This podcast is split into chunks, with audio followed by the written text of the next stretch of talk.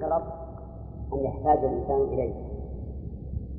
فخرج بقولنا عين ما ليس بعين وهو المنفعة وستأتي وخرج بقولنا مباحة النفع ما ليس بمباح. الخمر والخنزير وشبه فلا فلا فليس بعيد وخرج بقولنا بلا حاجة ما يباح للحاجة ما يباح نفعه للحاجة كالكلب. الكلب مو مال مع أنه عين مباح النفع لكنه لا يباح إلا إلا لحاجة. وش الحاجة؟ صيد أو حرف أو ماشي. فالتبادل بين الشخصين في كلبين ما يعد بيان لأن الكلبين ليس مالا إذ أن المال عين مباحة النفع بلا حالة هذا المال. طيب. قال أو منفعة مباحة. يعني أو مبادلة منفعة مباحة. منفعة. تبادل منفعة مو تبادل أعيان مثل أن أبادلك منفعة تمر مع ذلك. بمنفعة أمر مع ذلك. في الشارع يلي دارك وشارع آخر يلي داري. وأنا ودي أنفذ إلى الشارع اللي وراك وأنت ودي تنفذ إلى الشارع اللي وراك. نعم؟ نتفق على أنك تعطيني ممر من دارك مقدار مترين بس معبر فقط ما أملكه أنا. لك لكن أنا أملك الناس وأعطيك أنا. مثله من داري مثله من داري واضح؟ طيب. هذه بيع منفعة ولا بيع عين؟ بيع منفعة. ولهذا قال كممر في دار. كممر في دار. فأنا ما ملكت العين. أنت ما أعطيتني هذا هذا المثلين ملك لي. إنما أنت أن بعت علي نفس ولهذا لو بحفر أنا بهذا الممر والله أنا بحفر في الممر هذا. بحفر بيار بحسب لي؟ وراء؟ ما ملكت. أنا مالك النفس فقط. قلت أنا ببلطه حط بلاط قال لا لا تحط بلاط يملك هذا ولا ما يملك؟ هو يملك. نعم صاحب البيت يملك يملك. له أن يمنعني أنا ما أملك إني أضع البلاط لأنه ليس ملكي أنا مالي إلا الممر طيب بمثل أحدهما بمثل أحدهما. يعني بأن تبادل مال بمال أو مال بمنفعة. صح؟ إذا أعطيتك كتابا بكتاب. وش هذا؟ ها؟ كتاب بكتاب. لكن يعتبر مال بمال. المال يعبر بالمال. مال بمال. طيب إذا أعطيتك كتابا بممر في دار. كتابا بممر في دار. مال بمنفعة مال بمنفعة مال بمنفعة طيب أعطيتك منفعة بمنفعة. مر مر بمر. هذه منفعة بمنفعة. وقول المؤلف ولو في الذمة. هذا قسم ثالث. يكون مال في الذمة. المال في الذمة ما عين قلت ببيع عليك سيارة لبسا رقمها كذا وموديله كذا ولونها كذا.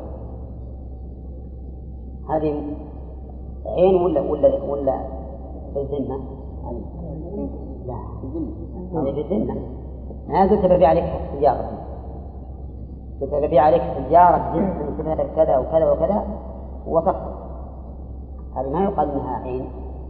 يقال هذا موصوف بالذمة كذا؟ طيب اشتريت منك عشر هذا الكتاب بعشر دراهم. هذا عين؟ في مال في الذمة ولا ولا معين؟ معين. لا لا اشتريت منك كتاب بعشرة ليرة ما هي من العشرة بيجيب لك العرض؟ هذا عين؟ مال بمال في الذمة؟ مال بمال في الذمة. نعم. ذكر بالشرح تسع صور لكن إحنا ذاكرين إحنا لأن ان ذكرت تخبط نعم. هو ذكر ان فيه تسع صور وهو صحيح. لأن عندنا مال معين ومال في الذمة ومنفعه ثلاثة أشياء. إذا بودلت بعضها ببعض كم ينتج من الثلاثة؟ تسع صور لأن ثلاثة في ثلاثة تسع وعبد الوهاب لو شاء لحله هو لا. نعم. لا شيء. طيب. على كل حال المال الآن فإن لما قال المؤلف مال ولو في الذمة. هناك مال معين ومال في الذمة. طيب. حط مال معين ومال في الذمة بعد ومنفعة ثلاث تبادل بعضها البعض. ينتج منها تسع صور. كيف ذلك؟ نبدأ مال بمال. يعني معين بمعين. ها؟ هذه واحدة. مال بمال في الذمة. سورتين. مال بمنفعة. هذا ثلاث صور. فأخذنا من رقم واحد ثلاث صور. الثاني منفعة الثاني مال في الذمة. نبادله بمال في الذمة. هذه واحدة. نبادله بمال معين اثنتين. نبادله بمنفعة ثلاثة. هذه ستة نجي للمنفعة.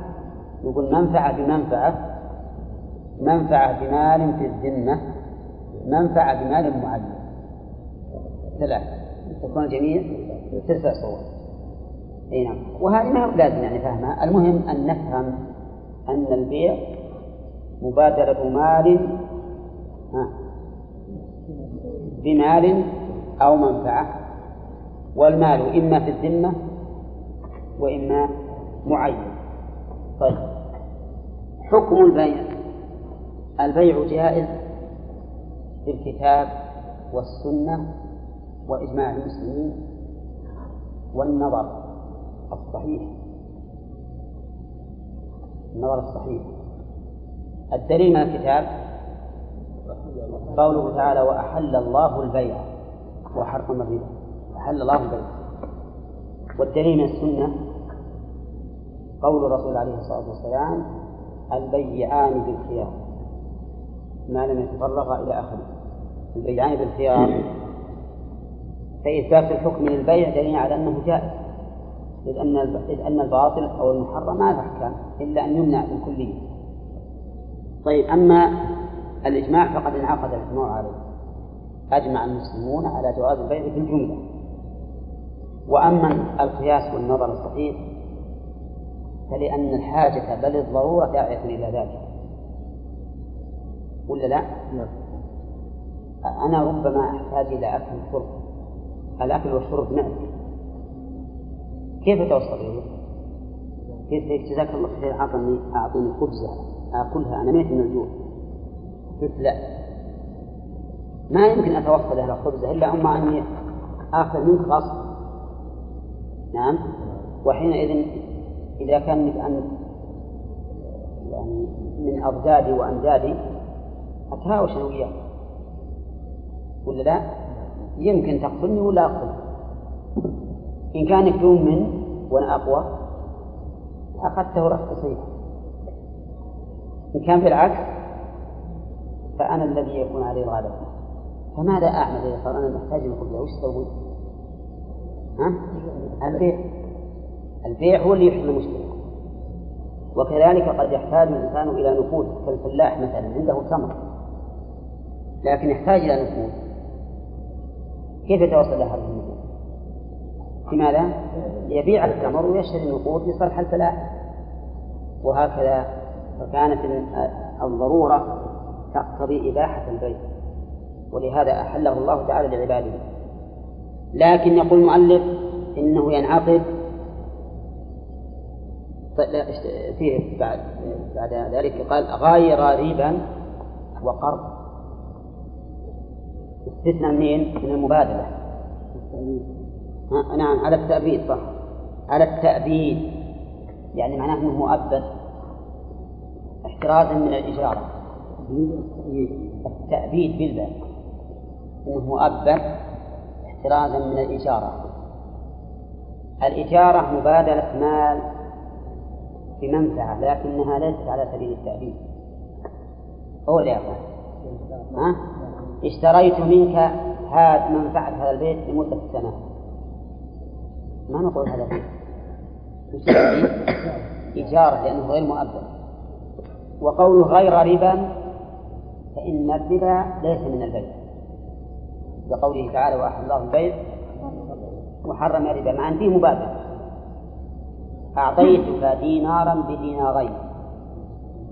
لا تلفت لكن ها؟ لا يسمى بيعا لأنه ربا. وقوله وقرض يعني وغير قرض القرض ما يسمى ربا ما يسمى بيعا وإن كان فيه مبادلة وش هو القرض؟ ها؟ أتيت إليه فقلت أنا أريد عشرة ريالات قرضا فأعطيتك بعد يوم ويومين أعطيتني عشرة ريالات هي تبادل ولا لا؟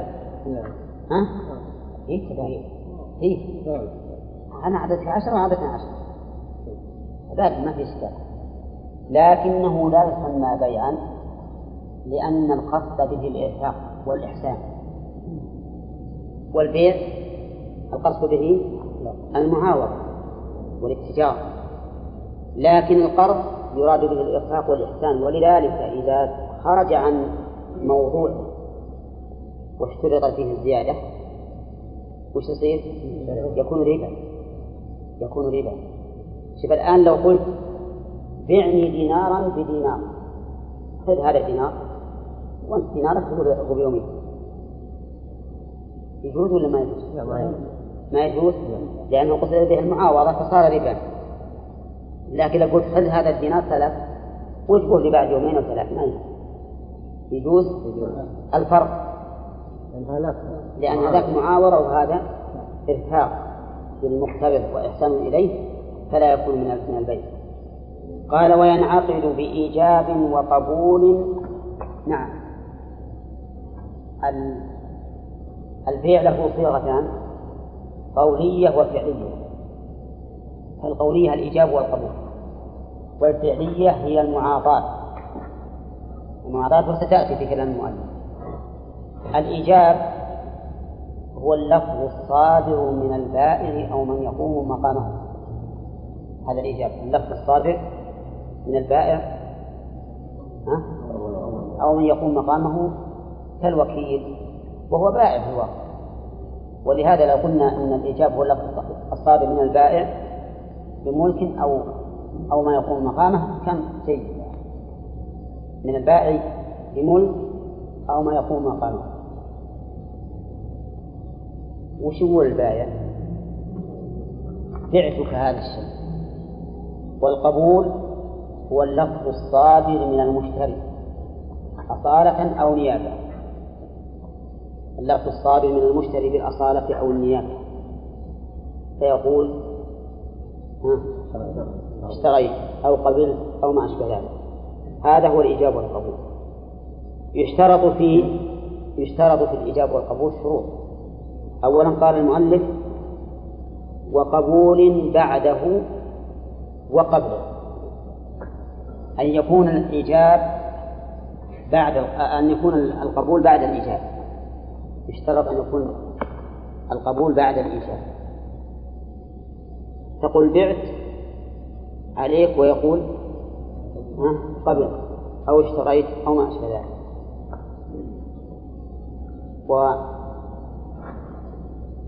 ويجوز قبله لكنه مو بكل صيغة يجوز قبله إذا كان بلفظ أمر أو ماض لا مجرد عن الاستفهام ونحوه.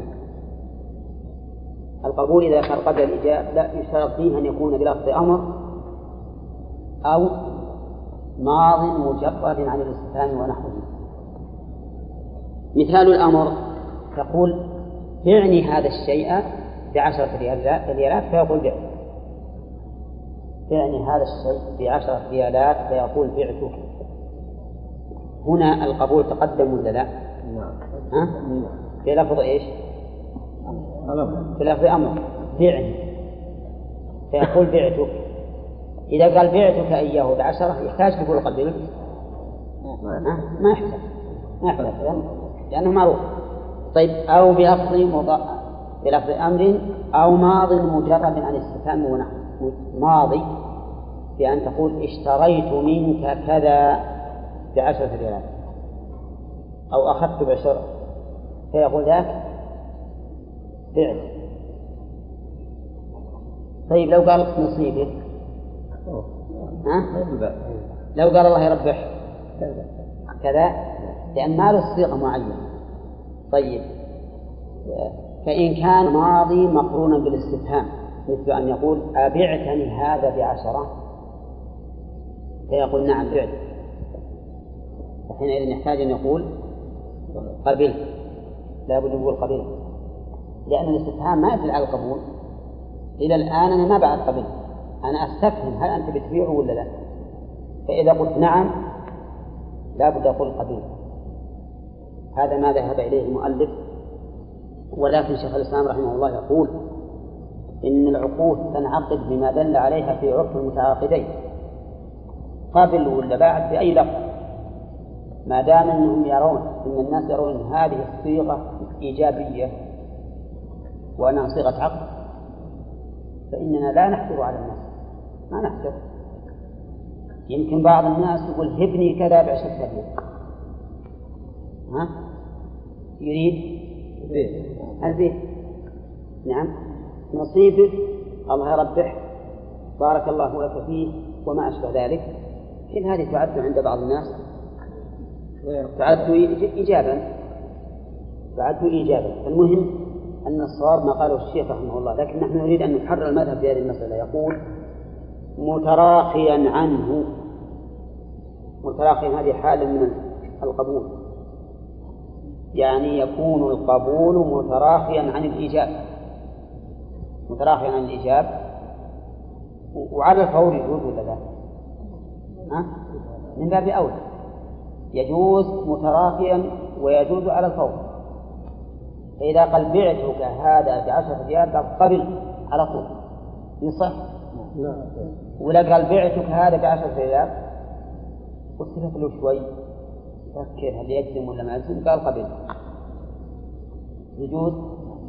المؤلف يقول متراخيا عنه لكن يشترط التراخي في مجلسه. فإن قام عن المجلس فلا بد من إعادة الإيجاب ما يكفي القبول لما سبق. ثانيا أن لا يتشاغل بما يقطعه. أن لا يتشاغل بما يقطعه. فإن تشاغل بما يقطعه فلا بد من إعادة الإيجاب. والحاصل أنه يشترط في الإيجاب أن يكون بعد أن يشترط في القبول أن يكون بعد الإيجاب. نعم. وأن لا يتشا... وأن يكون في المجلس وأن لا يتشاغل بما يقطعه. بقي الشرط الرابع أن يكون مطابقا للإيجاب. يكون مطابقا للإيجاب فإن كان مخالفا له لم يصح. الشروط أربعة الآن. نعيدها مرة ثانية. حمد. يشترط في القبول أربعة شروط. إيه؟ يعني كنت ما نويت في من يعرف الشروط يشترط في القبول أربعة شروط. لا إتمام شرعية لا ليس متأخر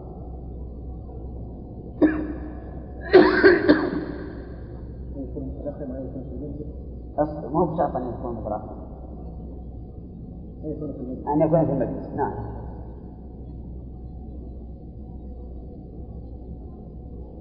بس واحد. نعم.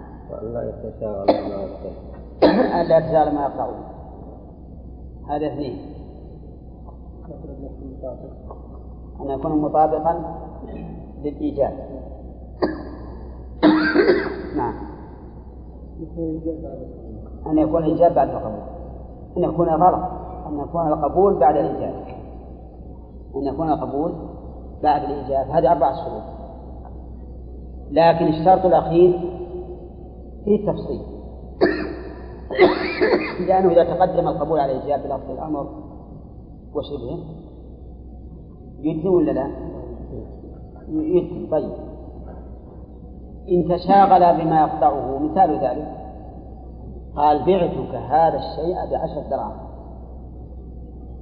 قال عينت إني طلعت خمسة تمشى ووجدت الناس يتبايعون ويشترون ووجدت فلان فعل كذا وفلان فعل كذا.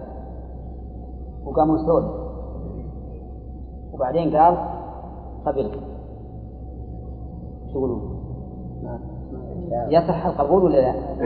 وسهل. تشاغل بما يقطع إذا تشاغل بما يقطع ويفصله عن الإيجاب ما صح.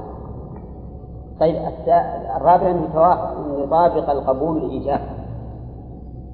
قال بعته هذا الكتاب وهو الروض المربع بعشرة ريالات فقال قبلت شراء المغني خمسة عشر ريال. صح؟ آه. لأنه ما طاب طيب. قال قبلته قبلته بثمانية ريال. قبلت الروض المربع بثمانية ريالات ما يصح؟ لعدم التطابق وهذا كله بناء على المذهب أما على اختيار شيخ الإسلام ابن تيمية فنقول ما دام ما دام هذا يعد عقدا عند الناس ها فهو صحيح فإذا قبلت عليك خمسة عشر قال قبلت بعشرة وش يعتبر عند الناس؟ ها؟ يعتبر قبولا ولا لا؟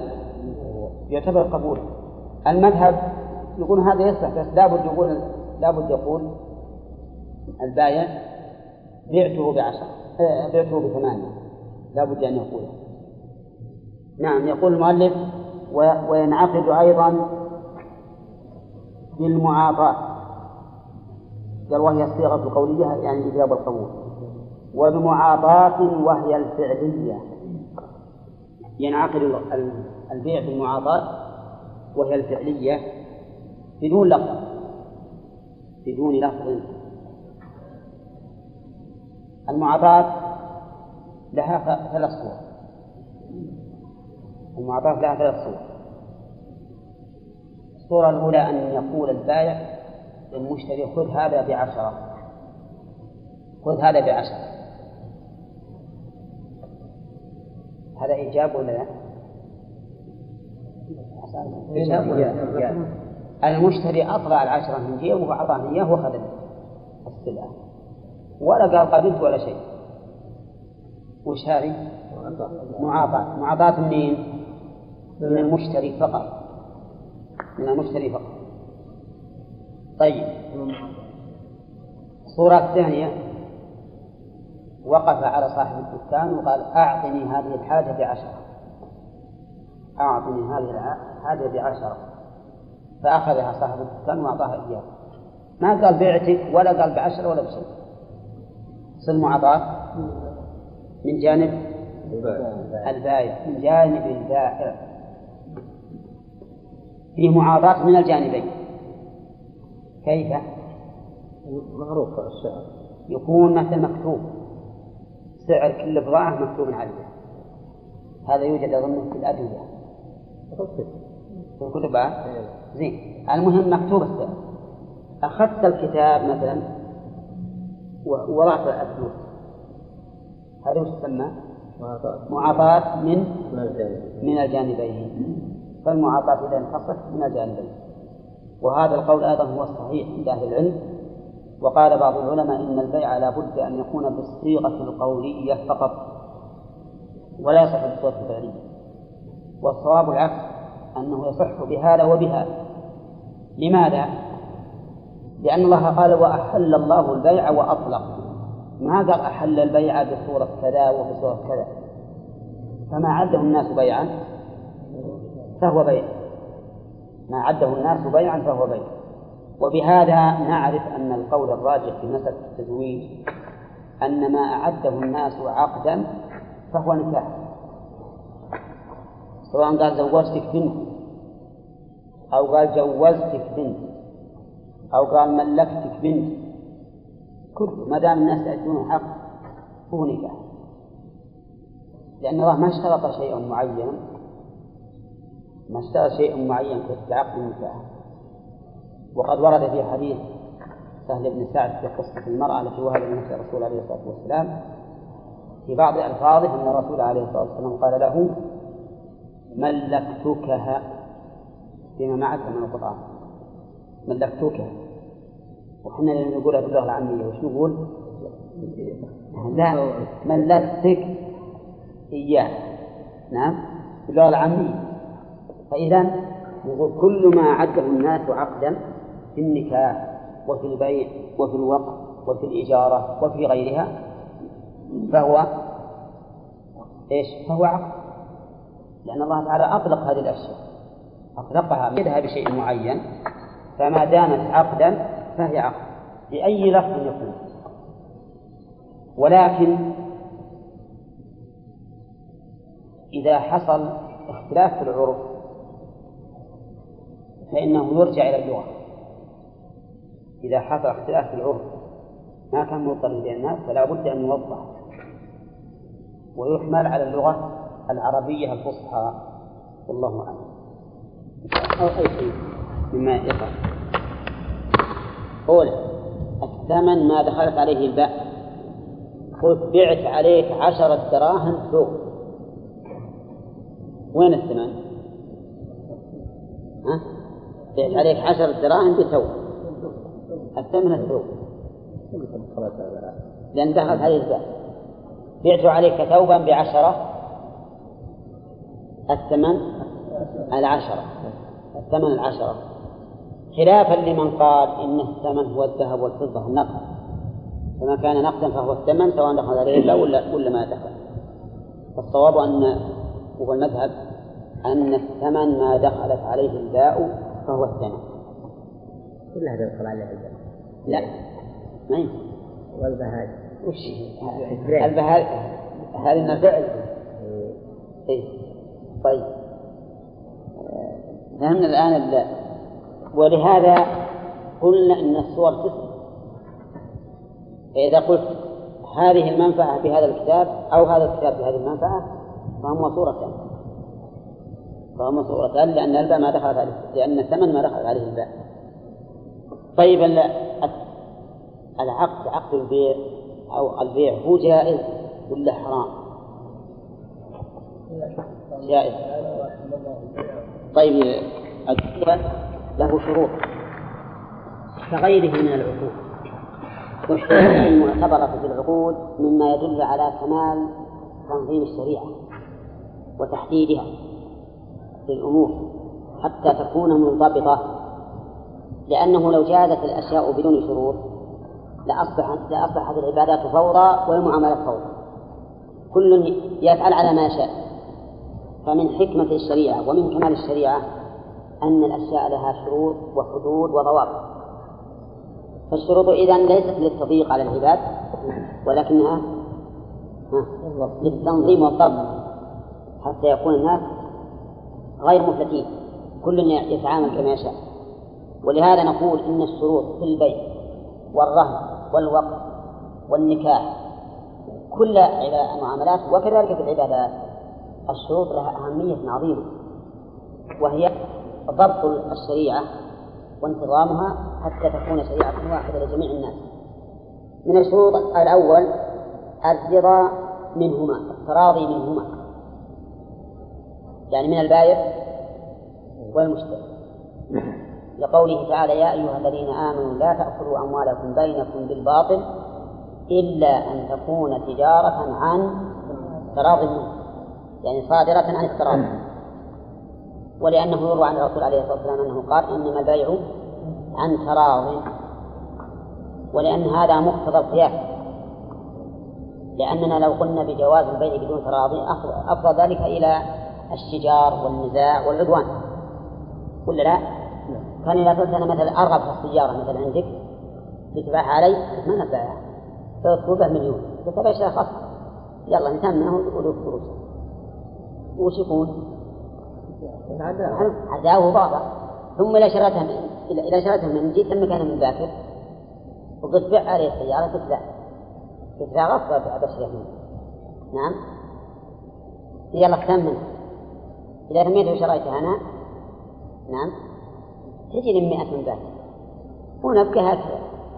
لكن لا بد من الترابط بدلالة الكتاب والسنة والقياس الصحيح. وأظن الإجماع ما أظن أحد من أهل العلم يضيف العقد بدون رضا فلا يصح من مكره إلا بحق.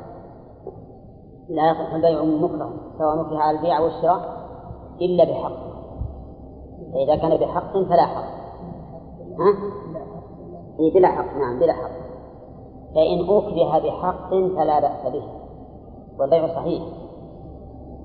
من الإكراه بالحق أن يضطر رجل إلى طعام وهو عند هذا الشخص ويعي لا يبيعه فإنه يجبر على أن يبيعه كما يبيع الناس. يضطر الإنسان إلى لباس. الشتاء برد ما عنده إلا لباس خفيف ما يقين ولكن هذا اللباس موجود عند فلان. قال بيع علي قال ما نبيع عليه. يجبر على بيعه ولا لا؟ يجبر. كذلك إنسان عليه دين. وقد رهن بيته لصاحب الدين. وحل الدين فطالب صاحب الرهن أن يباع مثل الثوب فقال صاحب البيت أنا لا أبيع بيتي. يجبر ولا لا؟ يجبر. يجبر على بيعه لأنه مرهون. وصاحب الرهن له الحق بأن يباع رهنه ليستوفي دينه. فالمهم إذا كان بحق فإنه يجوز. ولو بدون رضا لماذا؟ لأجل, لأجل القيام بحق الغير. لأننا لو قلنا إنه لا يجبر عليه مع الحق أدى ذلك إلى ضياع الحقوق. فكما أننا نراعي العاقل فنقول لا عقد إلا بتراضي كذلك نراعي حقوق الناس. وإلا لا أصبح الناس يأكل بعضهم بعضا. فإذا أكره الإنسان على البيع أو الشراء بحق ها جاز ذلك جاز ذلك. لأن لأنه لولا هذا لا أصبح الناس فوضى. الثاني الشرط الثاني أن يكون العاقد جائز التصرف. أن يكون العاقد أي العاقدين؟ البائع والمشتري. جائز التصرف يعني يجوز تصرفه شرعا بماله. وهو الحر البالغ العاقل الرشيد. هذا جائز التصرف الذي يجمع أربعة أمور. أن يكون بالغا عاقلا حرا رشيدا. ها؟ الفرق بين العاقل والرشيد. أي طيب إن شاء الله. أن يكون بالغا والبلوغ يحصل بواحد من ثلاثة بالنسبة للرجال وبواحد من أربعة بالنسبة للنسبة يحصل البلوغ بالنسبة للرجل بالإنزال ويحصل بالإنبات إنبات شعر العام. ويحصل بتمام خمسة خمسة عشرة سنة. وتزيد المرأة بماذا؟ بالحيض. فإذا حاضت بلغت. عاقل ضده المجنون والمبرسم والمعتوه وما أشبه ذلك. هؤلاء ما يصح تصرفهم بيعهم ولا شراؤهم لعدم وجود العقل. حر ضده العبد المملوك لا تصرفه لأنه أولا لا مال له والثاني أنه لا يملك التصرف المطلق لأنه مملوك. ولو جاز له التصرف المطلق لتنافى مع الملكية. الرابع أن يكون رشيدا والرشيد هو الذي يحسن التصرف بماله. يحسن التصرف بماله فيقوم عليه بالحفظ وعدم الإضاعة وعدم التصرف بما لا فائدة منه. وبهذا عرفنا الفرق بين العاقل وبين الرشيد. هذا رجل بالغ عاقل من أحسن ما يكون من العقلاء متزن وحر لكن في المال ما يعرف. يبيع الذي يساوي عشرة بريالين ويشتري الذي يساوي عشرة كم؟ بعشرين ويغبن دائما ولا يبالي مثل هذا ما هو رشيد ولا يجوز اننا ندفع له المال ولا أن نأذن له بالتصرف. فصارت صار جائز التصرف من جمع أربعة شروط. أن يكون بالغا عاقلا حرا رشيدا. سواء كان رجلا أم امرأة. حتى الزوجة المتزوجة لها أن تتصرف في مالها بدون إذن زوجها لأنها جائزة التصرف. قال فلا يصح تصرف صبي وسفيه بغير إذن ولي صبي من هو الصبي؟ من لم يبلغ. والسفيه من لا يحسن التصرف في ماله. ما يصح بغير إذن ولي فإن أذن الولي صح. لكن اعلم أن إذن الولي تارة يكون إذنا خاصا في عقد خاص. وتارة يكون إذنا عاما فإن كان إذنا خاصا بحيث يأتي إليه الصبي ويقول أنا أحب أن أشتري هذا الكتاب بعشرة ريالات. فقال نعم اشتري. هذا إيش؟ إذنا خاصا. وتارة يقول له خذ هذه الدراهم بيع بها واشتري. بيع بها واشتري. هذا إذنا هذا إذن عام. فلا يجوز في هذا الإذن العام إلا في الشيء اليسير الذي جرت به العادة. مثل يقول مثلا خذ هذه أربع ريال راح تبيع وش الدجاج نعم. أما يقول خذ هذه أربع ريال راح تبيع ويشتري بالعقار. يجوز ولا لا؟ يمكن يشتري له عقار بالنسبة له مثال خمس مثال. لكن دجاجة وبيضة وما أشبه ذلك ما في مانع. شيء يسير وأيضا ما يأذن الولد. ما يجوز يأذن إلا إذا رأى المصلحة في ذلك. فإن رأى عدم المصلحة حرم عليه الإذن. افرض أنه أعطاه مثل أربعين درهما وقال أو ريالا فقال روح بيع واشتري بالدجاج والبيض والبطيخ وما أشبه ذلك. وصار هذا الصبي يأخذ الأربعين يشتري دجاجة ما تسوى عشرة بعشرين. والبيضة يشتري البيضتين بريال. يغلب ولا لا؟ ها؟ يغلب.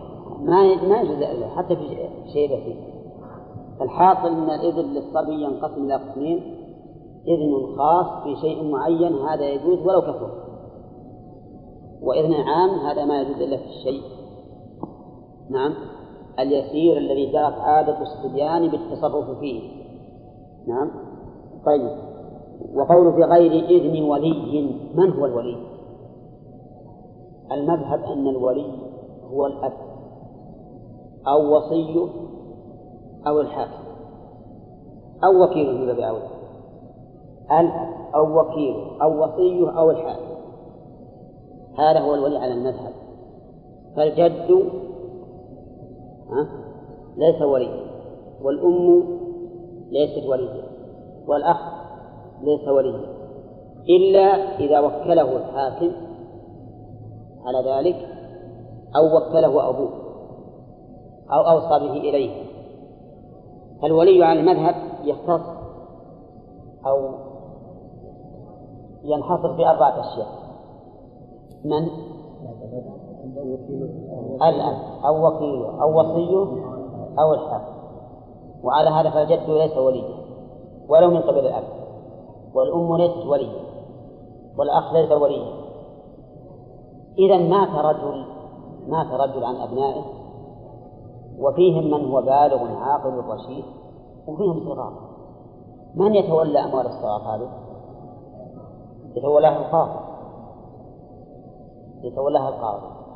إذا قال إنسان القاضي مشغول بقضائه وبالأمور العامة للمسلمين. نقول المسألة بسيطة وش يعمل؟ يأتي مثل لأخيهم الأكبر إذا كان صالحا مصلحا يقول تفضل أنت ولي أو وكيل عني بالنظر على إخوانك الصغار.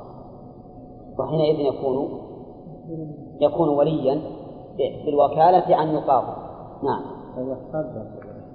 الصبي من لم يبلغ ولو كان يحسن التصرف فهو صبي.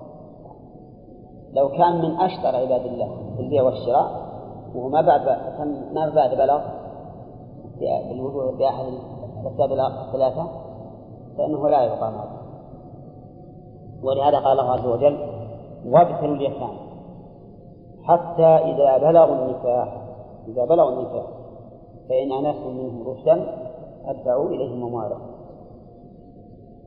الشرط الثالث أن تكون العين مباحة النفع من غير حاجة. طيب هذا الشرط يتضمن عدة شروط. قال مباحة النفع من غير حاجة. أفادنا المؤلف بقول مباحة النفع أنه لا بد أن يكون في العين نفع. لا بد أن يكون في العين المبيعة نفعا نفع هذه واحد ولا بد أن يكون هذا النفع مباحا. هذا اثنين. ولا بد أن يكون أن تكون الإباحة بدون بدون حاجة. إذا تمت هذه الشروط الثلاثة صح عقد البيع عليها وإلا فلا.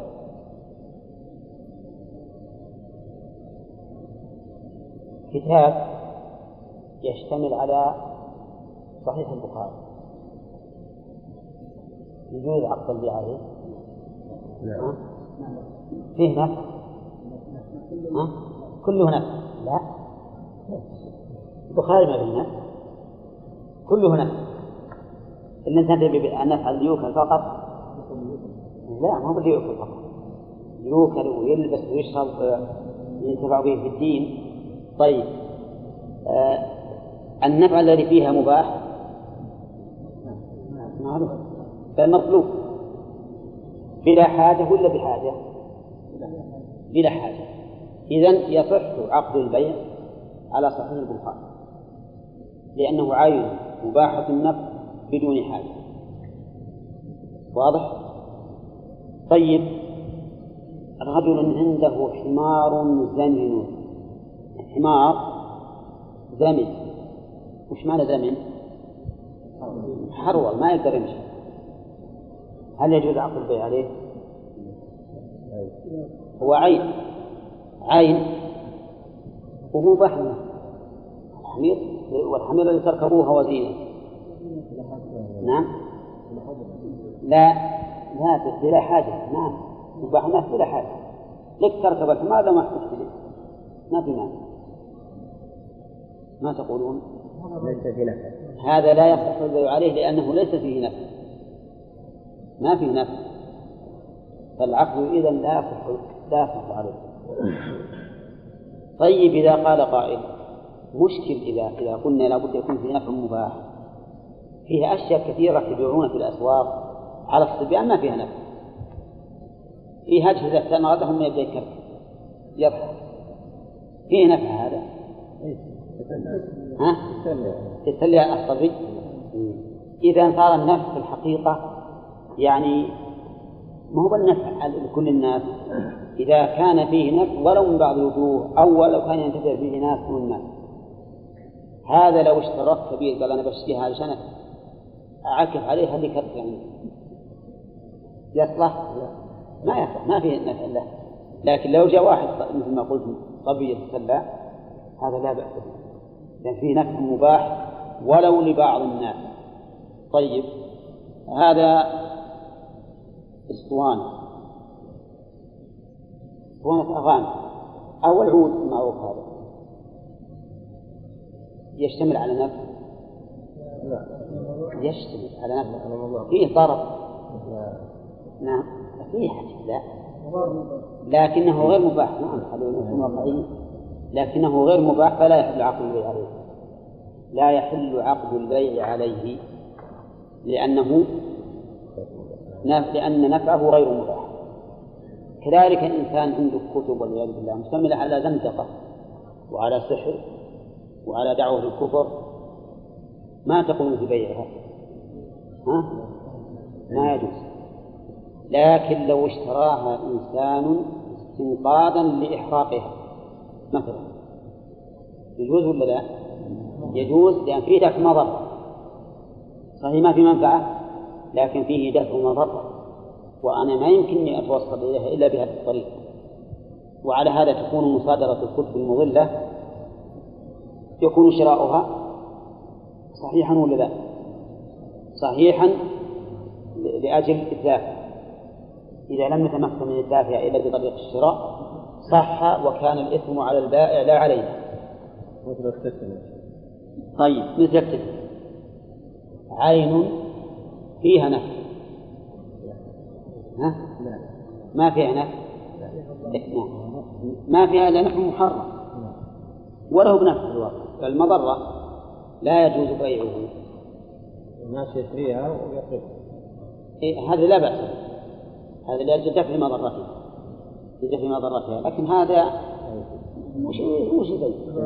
إذا اشترى لك كيس أو كيسين أو ثلاثة وش عاد تسوي؟ لا خبر بواحد هذا أحسن ما لك تمنع؟ يعني أن الحمار ينزل على الفرس فيتولد بينهما ما يسمى بالبغل. ولهذا البغل فيه شبه من الحصان وفيه شبه من الحمار. الحمار معروف. فالبغل والحمار ودود ودود القز دود القز الدود معروفة. السلو والقز الحرير. حرير القز له دودة معينة تسمى دودة القز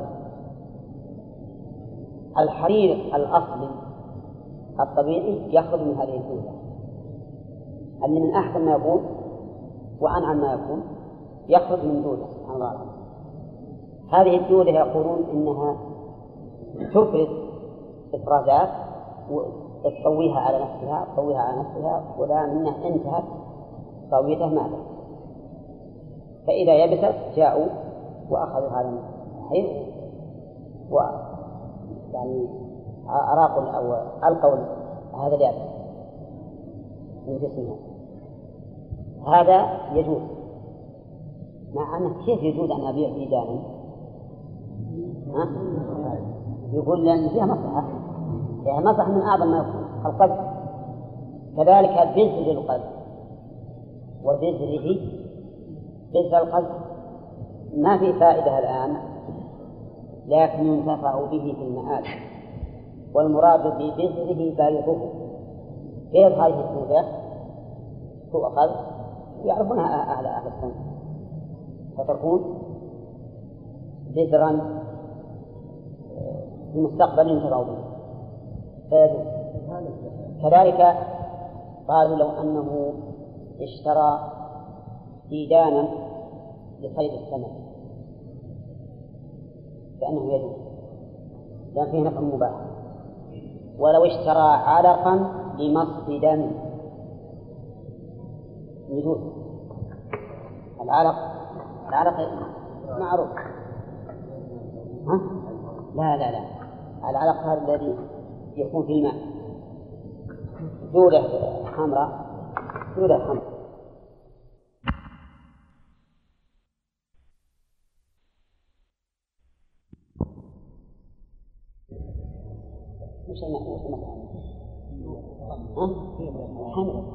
يحمل أثقال يقلب على الأشجار.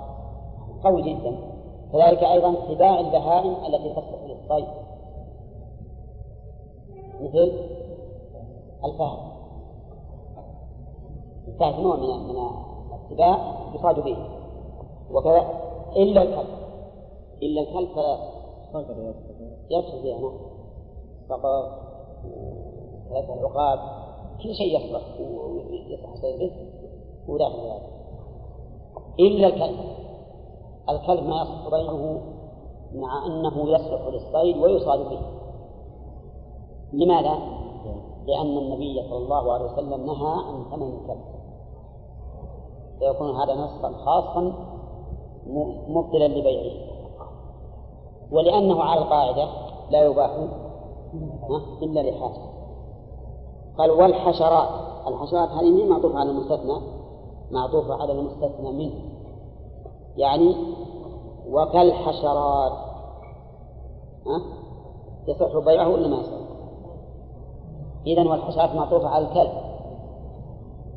يعني إلا الكلب يعني وإلا الحشرات فلا يصح بيعها.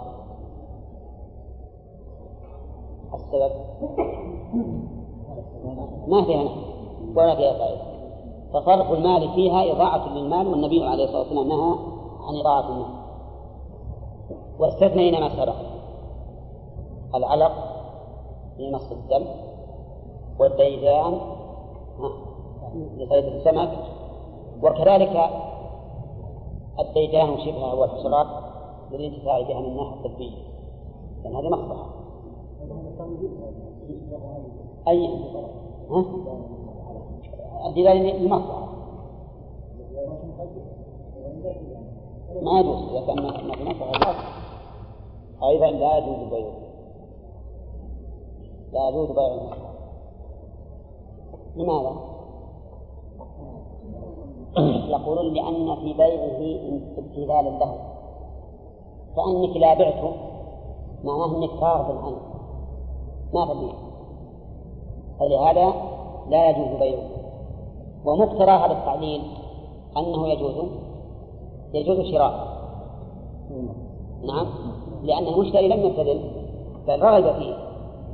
ولكن يقال إن البيع عقد لا يكون إلا بين اثنين. فأنتم إذا قلتم للبائع لا يصح بيعك ها؟ لازم من هذا أن لا يصح شراء المشتري. وهذا هو المشهور من المذهب أنه لا يصح بيع المصحف ولا شراؤه أيضا. ولكن الصواب أنه يصح بيعه وشراؤه. لأن في لأن فيه نفعا مباح ولا أكبر من المباح؟ أكبر من المباح نفعا مطلوبا. كيف لا يصح وما زال المسلمون يبيعونه ويشترونه. وأما قول ابن عمر الذي يروى عنه وددت أن الأيدي تقطع في بيعه. فإن هذا منه رضي الله عنه يحمل على إذا كان واجبا بذله بحيث يكون عند الإنسان مصحف مستغنى عنه وغيره محتاج إليه فإنه يجب عليه أن يديره فإذا باعه في حال وجوب الإعارة فقد أساء فيحمل قول ابن عمر على هذه الحال. قال والميتة. الميتة ما يصح لقول النبي صلى الله عليه وسلم إن الله حرم بيع الخمر والميتة والخنزير والأصنام. ولأن الميتة ليس فيها نفع مباح على الإطلاق. متى يباح الانتفاع بها؟ ها؟ عند الضرورة. وقول المي... وقول المؤلف الميتة يستثنى منها من جنسها ومن أجزائها. في استثناء. يستثنى من جنس الميتة الميتة الطاهرة. فإن الميتة الطاهرة يجوز بيعها. مثل السمك والجراد. يجوز أنك تبيع السمك ميت أو جرادا ميتا ويستثنى من أجزائها الشعر ونحوه إذا جز فإنه يجوز بيعه. ويستثنى كذلك على القول الراجح الجلد إذا دبر أو مطلقا نعم. فإذا الميتة يستثنى منها استثناء. الاستثناء الأول من جنسها والاستثناء الثاني من أبعاضها. ما الذي يستثنى من جنسها؟ الميتة الطاهرة الميتة الطاهرة المباحة كالسمك والجراد. ويستثنى من أعضائها. الشعر والصوف والوبر والريش. رحمك الله. إذا جث إذا جث. لأنه طاهر. لا تخلو الحياة. ويستثنى على القول الراجح. الجن سواء دبغ أم لم يدبغ نعم. قال والسرجين النجس السرجين النجس ما هو السرجين النجس؟ السرجين الدماء تعرفون الدماء؟ تعرف ما هو؟ تخرج ما يجوز أن يباع السرجين النجس مثل إيش؟ كسرجين الحمير مثلا سرجين الحمير ما يجوز لماذا؟ لأنه على المذهب ما فيه نهي. المذهب لا يجوز أن يسمد بالسرجين النجس. وإذا كان ما يجوز فمعنى ذلك ما في انتفاع. لكن إذا قلنا بجواز الانتفاع به فهل يجوز بيعه؟ أو لا يجوز؟ في هذا النظر. لأن قول رسول الله عليه الصلاة والسلام لما قال إن الله حرم بيع الخمر والميتة والخنزير والأصنام قالوا يا رسول الله أرأيت شحوم الميتة؟ فإنه تقلى بها السفن ويدهن بها الجلود ويستصبح بها الناس. قال لا هو حرام. يعني بيع حرام مع أن الصحابة ذكروا له الانتفاع بها فمنع من بيعها. فالظاهر قياسا على هذا النص أن السرجين النجس لا يجوز بيعه ولو قلنا بجواز الانتفاع به. طيب السرجين المتنجس يجوز يجوز بيعه ولا لا؟ نعم يجوز بيعه لأن المؤلف يقول النجس النجس بذاته أما المتنجس مثل أن نجد سرجينا قد بال عليه شخص. سرجين ظاهر بال عليه شخص أو بال عليه حمار أو باع عليه هر أو ما أشبه ذلك. فيجوز بيعه. وذلك لأنه يمكن تطهيره بماذا؟ بماذا يطهر؟ بالماء. أريق على بوله سجل من فلما كان يمكن تطهير السجين المتنجس جاز بيعه كما لو بعت عليك ثوبا متنجسا فيجوز وكافرا تؤخذ ثمنه قال ولا المتنجس يعني ولا يجوز. بيع الأذهان المتنجسة لا ولا ولا الأذهان النجسة الأذهان النجسة هذا أيضا لا يجوز بيعها مثل دهن الميتة. دهن نجس ما يجوز بيعه. الدليل. قول الرسول عليه الصلاة والسلام إن الله حرم بيع الخمر والميت والخنزير والأصنام ولما عرضوا عليه الشحوم إيش قال؟ قال هو حرام. فمنع من بيعه. ولأن الأدهان النجسة لا لا يمكن الانتفاع بها في الأكل والشرب والشبهة ما ينتفع بها على القول الراجح إلا فيما لا يتعدى. وش مثل؟ كطلي السكن والاستصباح وما أشبه ذلك. هذا هو الراجح. أما المذهب فإن الأذهان النجسة لا يجوز الانتفاع بها أبدا حتى فيما لا يتعدى. لأنهم يقولون إن قول الرسول عليه الصلاة والسلام لا هو حرام هو يعود على ما سألوا عنه. لا يعود على البيت.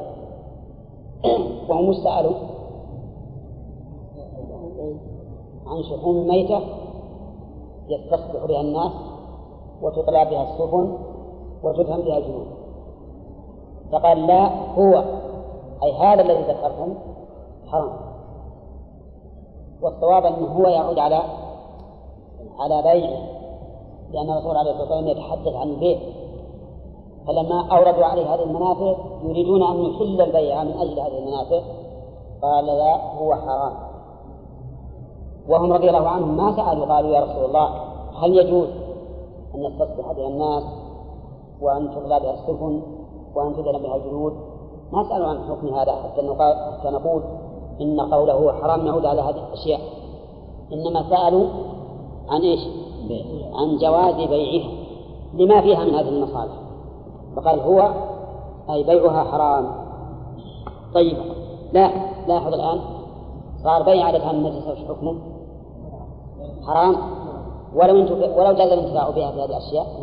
نعم لأن هذا نص الحديث. والمعنى يقتضي ذلك لأننا لو جوزنا هذا الشيء أي البيع لكثرت ملابسات الناس لهذا الشيء النجس. طلبا؟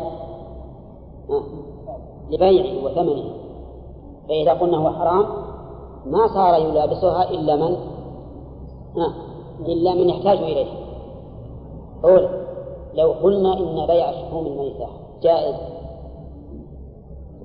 أو أذهان النجس جائز كان كل الناس يأخذون هذه الشحوم ويبيعونها ويتلوثون بالنجاسة ويلوثون أوانيهم وغير ذلك. نعم. ولا المتنجسة. ولا المتنجسة. يعني ولا يجوز غير الآن المتنجسة. وش ما وش الفرق بين النجسة والمتنجسة؟ النجسة التي هي عينها نجسة.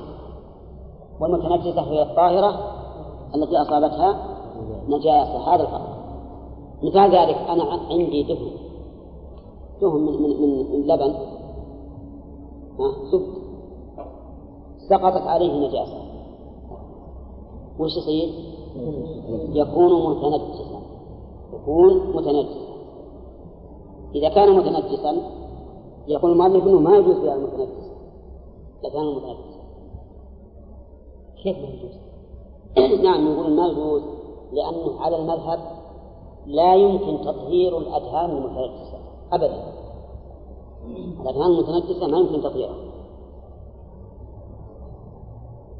وبناء على ذلك تكون كالنجسة ما دام ما يمكن تطهيرها فهي كالنجسة. والصواب جواز بيع الأدهان المتنجسة لأن تطهيرها ممكن. لماذا يمكن تطهيرها؟ بقول الرسول عليه الصلاة والسلام ألقوها وما حولها. ألقوها وما حولها. فإذا ألقيناها وما حولها فهو. وهذا ممكن. أما في الجامد فظاهر وأما في الماء فكذلك لأن الدهن ليس كالماء يخالطه ما يكون فيه. ولذلك تجد أن الدهن إذا صار في مرق وفيه دهن. ينفرد الدهن عن المرق ولا لا؟ ينفرد له مائل ما يمازجه وعلى هذا فالصواب أن الأدهان المتنجسة يمكن تطهيرها. وبناء على ذلك يجوز بيعها. بناء على هذا يجوز بيعها لأن المشتري يمكن أن يطهرها فينتفع بها قال ويجوز الاستصباح بها بها الضمير يعود على إيش؟ على المتنجسة خاصة يجوز الاستصباح بها أي بالمتنجسة في غير مسجد وش معنى الاستصباح بها؟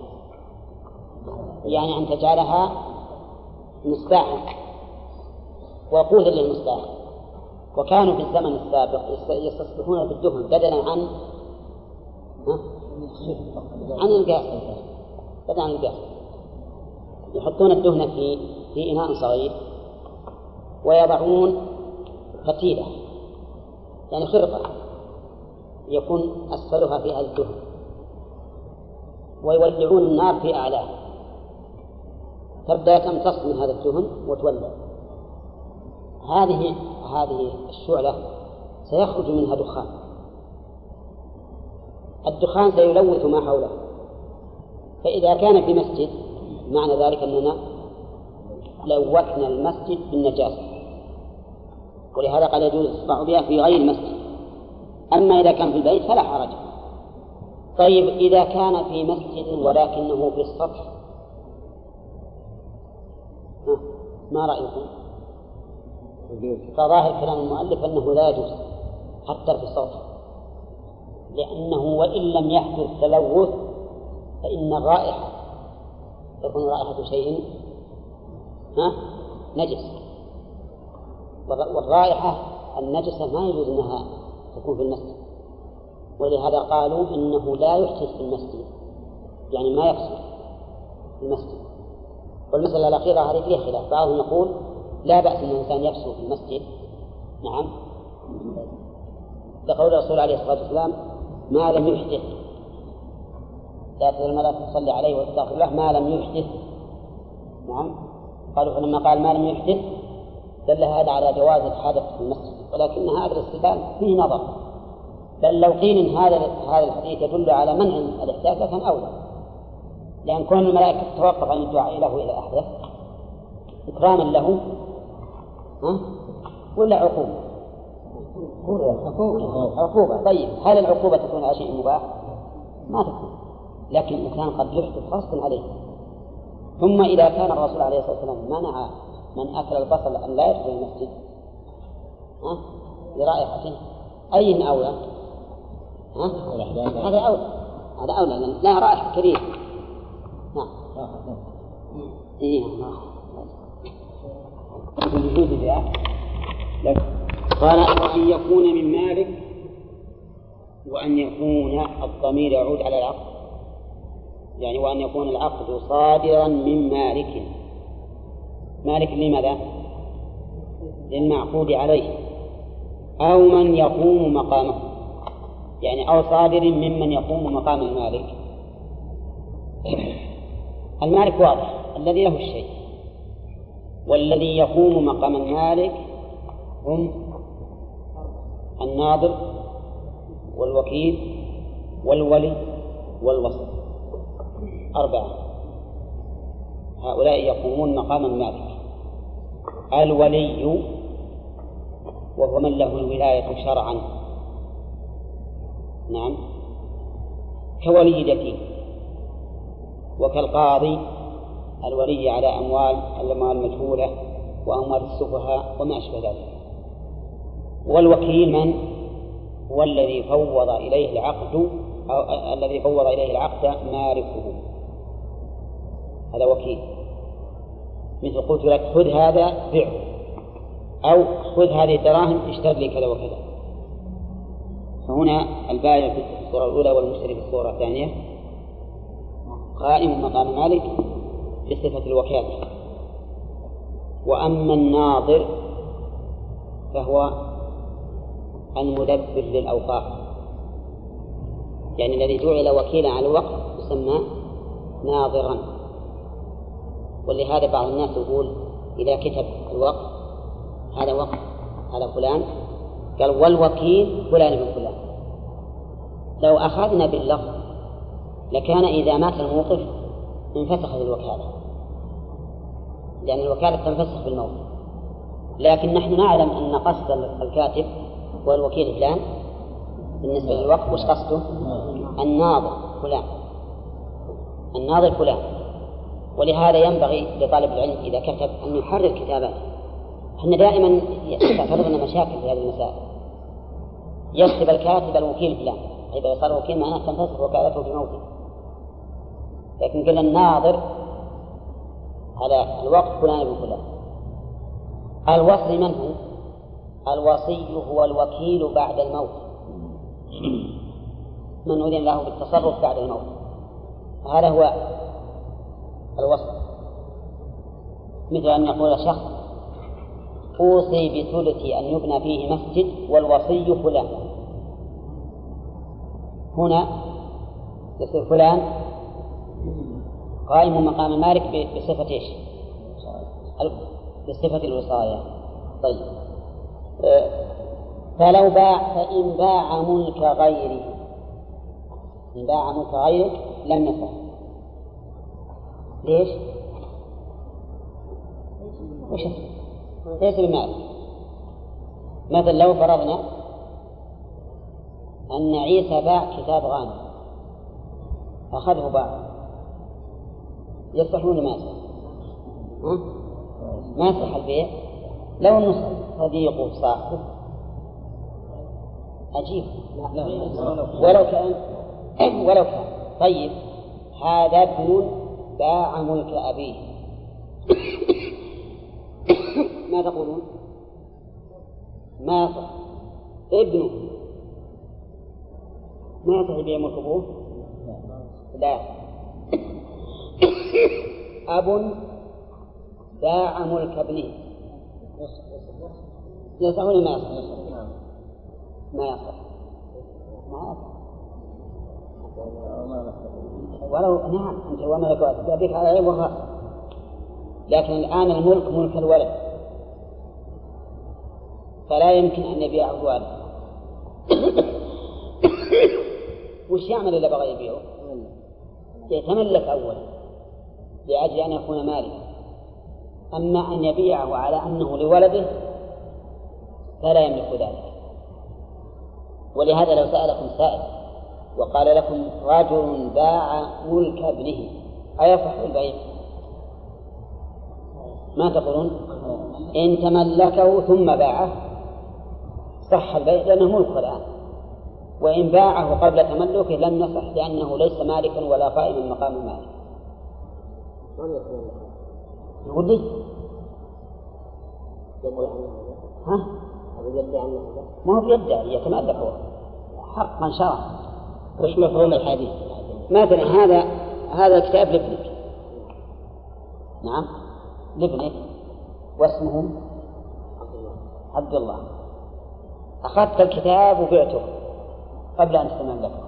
معناه بعت ملك ما, لا تملك فإذا قلت مثلا لي أو للثاني والثالث يا جماعة ترى ترى تملكت هذا الكتاب أو نويت عند نفسك أنك تملكت لك ثم بعته فلا حرج.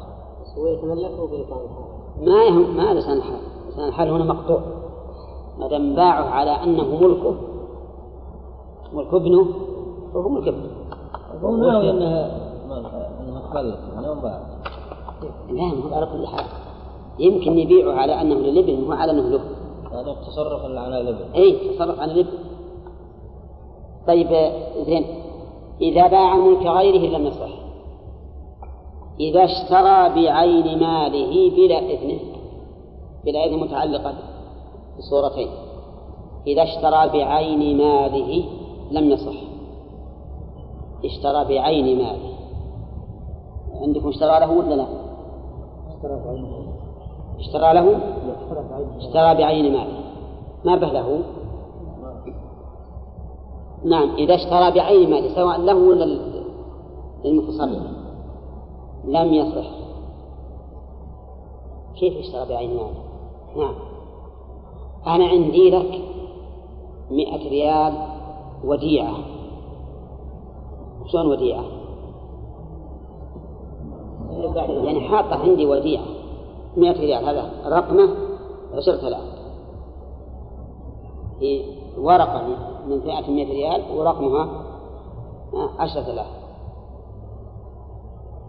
طيب عند واحد سلعة تساوي مئة ريال. فقلت له اشتريت منك هذه السلعة بهذه المئة بهذه المئة. الآن البيع عين ها؟ البيع من أي الصور؟ عين بعين. عين بعين. فالآن اشتريت بعين ماله. عين مال الرجل. لكن الظاهر إنه ما بعد تخرجون قلوبكم يا ها؟ واضح؟ طيب. أعيد مرة ثانية. اشتريت هذا المسجل بهذه المئة. قلت لصاحب المسجل اشتريت منك هذا المسجل بهذه المئة. المئة ما هي لفلان الآن اشتريت بعين مال فلان. بعين مال فلان. ما يصح البيع. البيع لا يصح. فإن قلت اشتريت منك هذا المسجل بمئة ريال بمئة ريال ثم طلعت أوراق حقتك وأعطيت إياه. يصح ولا ما يصح؟ يصح لأن العقد لم يقع على عينها. في المسألة الأخيرة العقد ما وقع على عين المئة. وقع في ذمتي. ذمتي يعني في ذمتي ولكن نقدتها من ملك غيري بينهما فرق ولا لا؟ ولهذا المؤلف يقول اشترى بعين ماله بأن جعل عين مال الغير هو المعقود عليه. هذا معنى قولي بعين ماله. نقول هذا ما يصح لأنه لم يؤذن له في التصرف طيب يقول فإن بلا إذنه بلا إذنه. إذن من؟ إذن صاحب المال الغير ولا بد أن يكون الإذن مسبقا يعني سابقا على التصرف. فإن أذن له بعد أن يتصرف فالمذهب لا يصح لأن عموم قوله بلا إذنه يتناول ما إذا أذن له بعد ذلك فإنه لا يصح التصرف. لا بد أن يكون الإذن سابقا على التصرف. نعم. ما رأيكم بالذي طلق زوجته؟ نعم. وكلمته امرأة جاره وقالت له يا أبا فلان كيف تطلق زوجتك اثنتين؟ اتق الله. قال وأنت طالق. على الرجل ما يصح. ما يعني ما وكل كل تصرف بدون توكيل ما يصح. نعم. طيب في هذا إذا نقول لا يصح حتى لو أذن بعد. ها؟ نعم. على المذهب حتى ولو أذن بعد. ولو أذن بعد. والصواب أنه لا أذن بعد فإن العقد صحيح. لأن الحق له. فإذا أسقطه سقط. إذا أسقطه سقط. ويدل على ذلك حديث معه حيث إنه أعطى شخصا أو يزيد. إما معا أو يزيد. أحدهما الأب والثاني الإبن. أعطى شخصا دراهم ليتصدق بها فأعطاه ابنه. فلما أعطاه ابنه قالوا ليش تعطيها ابني؟ أنا ما أردت. ما أردت أن تعطيها ابني. فارتفع إلى الرسول عليه الصلاة والسلام فقال لك ما نويت ولك يا معن ما أخذت أو بالعكس. أنا نسيت أيهما الإبل. المهم أن الرسول قال إن إن الأمر قد نفذ. فأجازه الوكيل الموكل فصحت الصدقة. الصواب أن تصرف الفضول إذا أذن فيه من له الحق. نعم. فإنه جائز. الخطير نعم. اللي شرع الرسول صلى الله عليه وسلم. وكذلك حديث عروة بن الجعد. أجازه الرسول عليه الصلاة والسلام وهو لم يأذن له فيه. نعم. لكن الشيخ يقول أنا ما عرفت ما عرفت ما عرفت الصدقة هذه نعم. فالان ما ظهر من هذا. الرسول قال لا. إيه. لما قال لك ما أردت من الصدقة دون الابن ما قال ما قال ردها الرسول عليه الصلاة والسلام. ما ما, ما أمره بردها نفذها وحديث أيضا عروة بن الجعد أنه الرسول عليه الصلاة والسلام أعطاه دينارا يشتري به شاة. أضحية. شاتين وباع إحداهما بدينار وجاء بشاة ودينار. نعم. إلى ظن الوقت. ولم يعن بشيء وشفت إنه يبي يشتري ثمنها يبي يشتري هذا العتيق ثمنه جديدا فبيعه عليه قلت الله جزاك الله خير. أنا بعد ودي إني أبيع وأشتري من النوع الجديد الطيب وش يقولون بالبيع؟ على المذهب غير صحيح. هنا. على المذهب غير صحيح. لأنه ليس مالكا ولا قائما مقام المالك. له وكيل. ولا ولي. ولا ناظر. ولا وصف. عرفتم؟ لكن الصحيح أنه إذا أجيز ها؟ فلا بأس به. نعم. طيب. أو اشترى له بعين أو اشترى بعين ماله بلا إذنه لم يصح. وإن اشترى له في ذمته بلا إذنه ولم يسمه العقد صح له بالإجازة شوف الشروط. ما يجوز تصرف الفضول على المذهب إلا بهالشروط الطيبة. إن اشترى له لمن؟ للغير. في ذمته أي في ذمة المشتري. يعني دون أن يشتري بعين مال الغير. في ذمته بلا إذن بلا إذن بيان للواقع. ولم يسمه في العقد. ما قال اشتري يقول فلان. صح له بالإجازة. اشترى له في ذمته. هذا واحد. والثاني بلا إذن هذا بيان للواقع لأن إذا كان بإذن ما صار تصرفه الثاني لم يسميه بالعقد اشترى له في ذمته ولم يسميه بالعقد. الشرط الثالث أن يجيزه. أن يجيزه ولهذا قال صح له له الضمير يعود على المشترى له. صح له أي للغير. بالإجازة أي مع إجازته. مع إجازته. مثال ذلك أنا الخبر من الثاني دوز سيارة خبر يدوز سيارة فوجدت يحرج عليه. وجدت أنه يحرج عليه. فاشتريتها له. ولا قلت إنها لفلان اشتريتها له بنية انها له ثم ذهبت إليه وقلت اشتريت لك السيارة. فقال جزاك الله خير.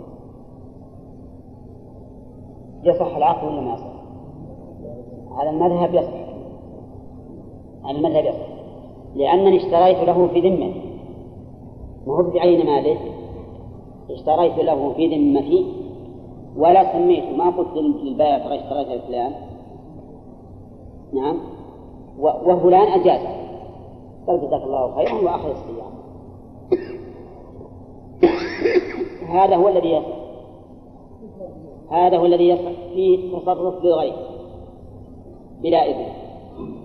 ويسمى التصرف بالغير بلا إذن يسمى التصرف الفضولي فلا شيء يصح التصرف الفضولي في البيع إلا في هذه الصورة المثل الشروط كم؟ ثلاثة أن يشتري له في ذمته وأن لا يسمه بالعقد وأن يجيز البيع طيب إذا إذا باع ملك غيره يستثنى منه شيء ولا لا؟ إذا باع للغير إذا باع ملك غيره. مو بإذا اشترى؟ إذا باع ملك غيره. يستثنى منه شيء ولا لا؟ كله لا يصح ولو أجاز. كله لا يصح ولو أجاز. بدون استثناء. شيء لأن مالك يقول بالأول وإن باع ملك غيره ها لم يصح.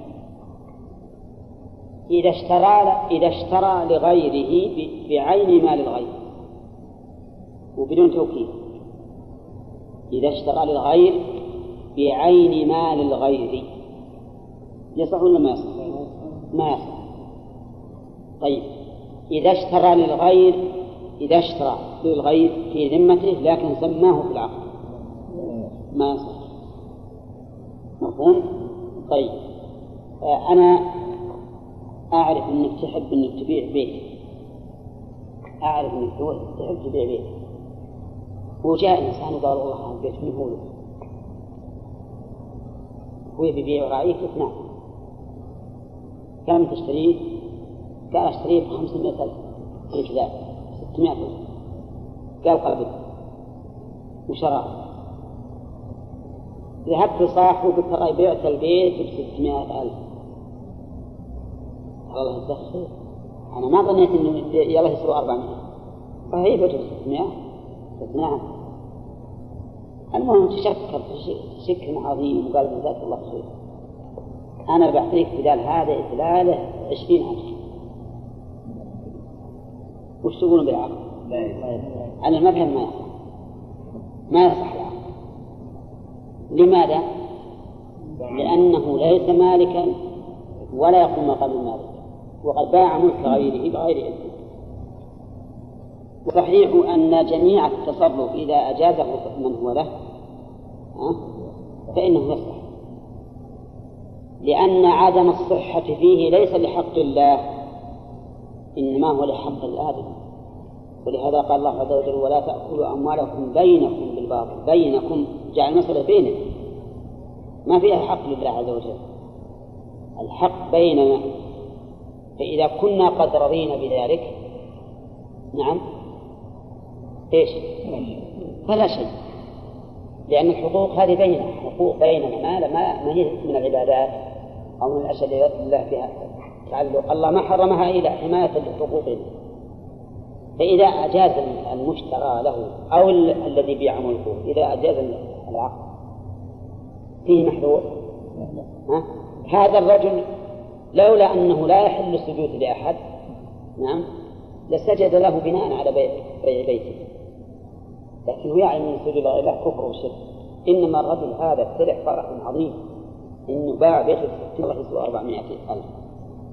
نعم لكن قد تحتجون علينا تقول بعد هذا فيه تغريب للمشتري غبي. نعم فيقال إذا كان المشتري عارفا بالقيمة يدري عن القيمة ما يصير غبي لكن كيف يقولون في الشارع لا صار مثل كيف يصح البيع؟ ما يصح البيع يلغى العقد وقال سم من جديد. آه نعم. لما قال سم من جديد ما والله أنا تبين لي إن العقارات ناسخه لكن أنت بتبيع ب 300 أنا بعطيك 30 ها؟ ماذا سيقول الرجل؟ يبي يقول والله أنا ما بالمذهب أعطونا بس القول الصحيح. طيب. ما نحتاج حديث عروة بن إلا الصحيح هو الصحيح له شواهد. القول الراجح له شواهد أدلة منها هذه الآية. ولا تأكلوا أموالكم بينكم. بالباطل. من حديث عروة بن جاد واضح. من تصرف وباع ملك الرسول عليه الصلاة والسلام بدون إذن الرسول عليه الصلاة والسلام. لكن يعلم أن الرسول بيرضى بهذا وفعلا رضي ولهذا قال اللهم بارك له في بيعه نعم. طيب المهم ودي أننا نعرف المذهب تماما. عندنا أولا بيع ملك الغير فيه استثناء ولا ما فيه؟ ها؟ ما فيه استثناء؟ ما يجوز مطلقا ها؟ لا يعم غير بغير إذن تصرف بغير إذن ولا توكيل ولا وصي ولا نظر طيب. لا يصح ولا يصح منه شيء. الاشتراء بعين مال الغير بمعنى أن يكون العقد وقع على عين مال الغير. لا يصح. مطلقا. ما يصح مطلقا. ولو أجازه الصورة الثالثة اشترى في ذمته للغير ولكن سماه. فقال اشتريته لفلان. ما يصح لأنه ما وكل. وقال اشتريته لفلان ما يصح لأنه ما وكل. طيب اشترى اشترى له في ذمته ولم يسميه بالعقد. يصح بشرط إذا أجازه. إما أجازه ما يصح. فهذا رجل مخلص لأخيه. خاب يبي يشتري سيارة. ولقى سيارة باع رخيصة. نعم يا سعود. وجد سيارة رخيصة تبي تباع. وباع هذا الرجل عليه بخمسة آلاف ريال. في ذمته ولا سمى من اشترى هذا. ثم جاء الذي اشتراه وقال جاب الله السيارة. زينة خمسة آلاف ريال. تسوى اثنين آلاف ريال قال والله ما أنا اشتريت يصح العقد ولا ما يصح؟ هذا يا شيخ أنا شارك لك أنا ما عندي ولا قرش إني أبي أوفي أنا شارك لك ومحسن بك وظن من مصلحتك قال ما أعلم أنا موكلك. ها؟ ما وكل إذا ما تصح لأن لابد من الإجابة وهذا صحيح. صحيح لابد من الإجابة وإلا كان كل واحد يخبر إن أحد يشتري يروح يشتري وهم يضربه القياس نعم. هذا ما يمكن. لابد من من الإجازة. كلامه هنا صحيح. لابد من الإجازة. إذا اشترى لغيره نعم. الأول الصحيح الأولات قلتكم الآن وأكرر أن من تصرف لغيره أو بمال غيره وأجازه فلا حرج. نعم. لم يسميه عين العقل وعين المال؟ أي ليه الأصل؟ أي له أصل لأنه إذا اشترى إذا اشترى بعين ماله فقد تصرف في ملك غيره. لأن العقد يقع على عين المال. إذا قال اشتريت منك هذا الشيء بهذا الشيء.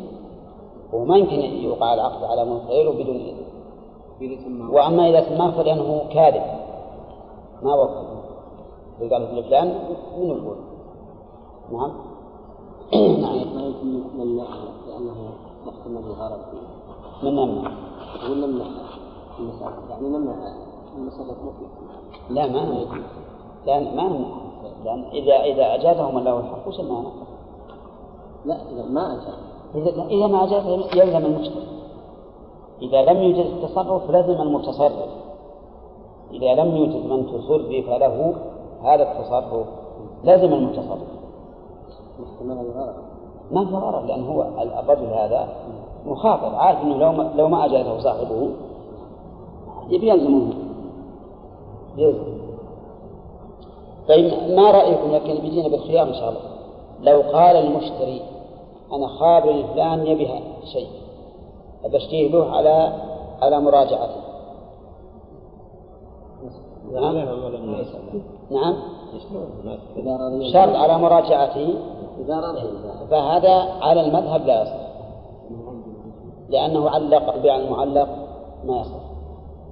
نقول روح راجع. إذا أذن لك فيه توشر نعم. طيب يقول ولزم المشتري بعدمها ملكا. لزم الفاعل يعود على العقد المشتري من المشتري الذي اشترى لغيره في ذمته ولم يسميه في العقد. بعدمها أي بعدم الإجازة. ملكا حال من فاعل لزم. يعني حال كونه ملكا له.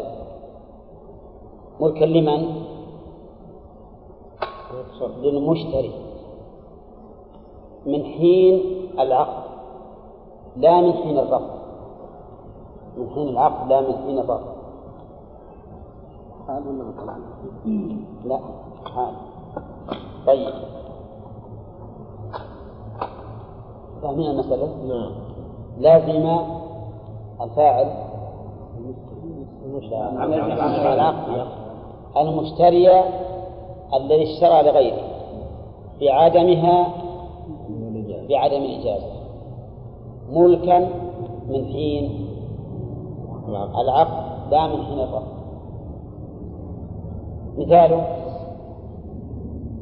اشتريت بقرة لشخص. بقرة تعرفون البقرة؟ ظفر يعرفها. نعم. طيب.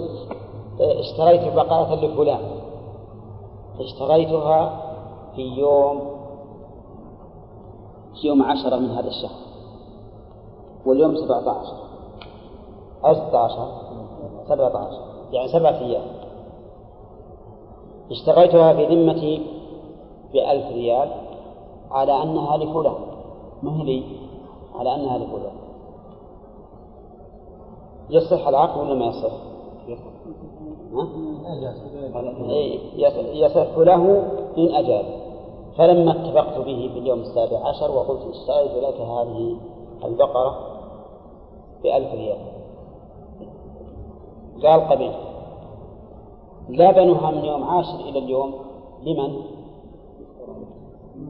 المشترى له. المشترى له. أنا أبيع منها كل يوم بعشرة آلاف كل يوم أبيع منها لبن بعشرة آلاف أخصم منها ريالين للعلف ويبقى ثمانية كم ربحت؟ من عشرة إلى سبعة عشر. ضد خمسين ريال. زين؟ لما إني قلت له اشتريت البقره بألف ريال. قال والله ما أنا استغنيت عنها اشتريت غيرها من تقول له؟ لا للمشتري. تقول للمشتري المشترى له حي لا يقبلها تقول للمشتري. نعم. ما أجاز. أبى قال ما بيها أنا اشتريت. قال أنا اشتريت واحدة غيره. يبغى يعني نفس الشخص. لا. نفس الشخص اللي وافق لا لا أنت مثلا اشتريت هذه البقرة لعبد العزيز. الست اللي جنبك هذا. اشتريت له بقرة في عاشر من هذا الشهر. عبد الله. عبد الله ولا عبد العزيز؟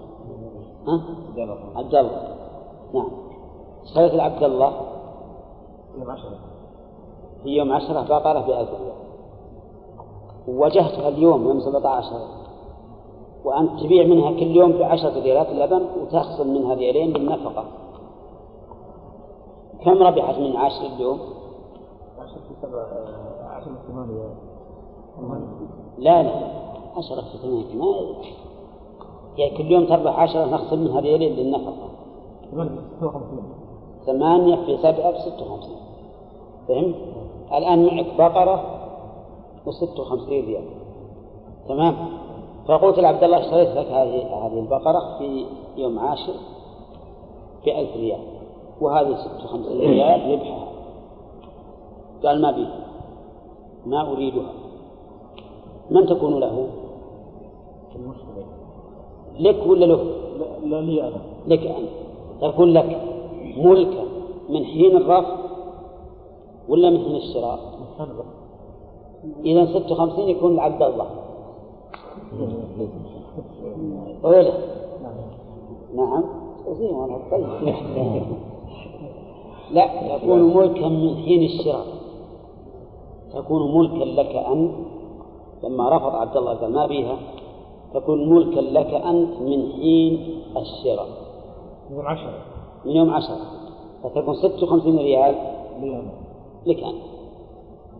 لأنه لما رفض ما صح العقد الأول اللي في عشرة. ما صح. صح لك أنت. ولهذا قال لازم المشتري بعدمها طيب ومن قبل؟ من قبل فلوس 56 ريال. من قبل عبد الله العقد يؤخذ منه 1000 ريال ويعطى 56 ريال وبقى. ها؟ أحسن لي يقبل كيف؟ أقول أحسن لي يقبل يا أخي البقرة والسكر والله ما قالوا كل حال يمكن يصير الشيء نازل يقول ما به يمكن تسوى الآن إلا 500 ريال طيب ال- الآن فهمنا يا أخوان هذا ماذا يعبر الفقهاء عن هذا؟ يعبرون عنه بإيش؟ بالتصرف الفضولي تصرف الفضولي وهو كما رأيتم يجوز في بعض الوجوه على المذهب ويمنع في بعض. يمنع في ثلاث صور. إذا باع ملك غيره. ثانيا إذا اشترى بعين ماله. ثالثا إذا سماه بالعقد ويجوز في صورة واحدة وهي ما إذا اشترى له في ذمته ولم يسمه بالعقد. فهذا إذا أجازه المشترى له صح ملكا له وإن لم يجزه صح ملكا لمن؟ للمشتري نعم.